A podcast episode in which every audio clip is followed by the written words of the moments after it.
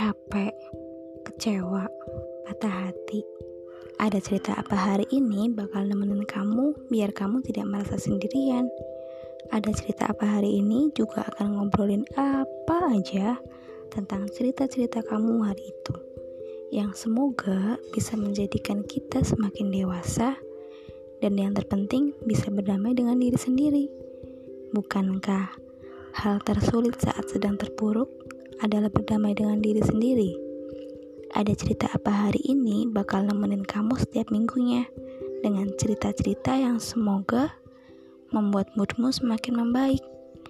Saya Yuli pamit undur diri, bertemu lagi di podcast episode selanjutnya. See you guys.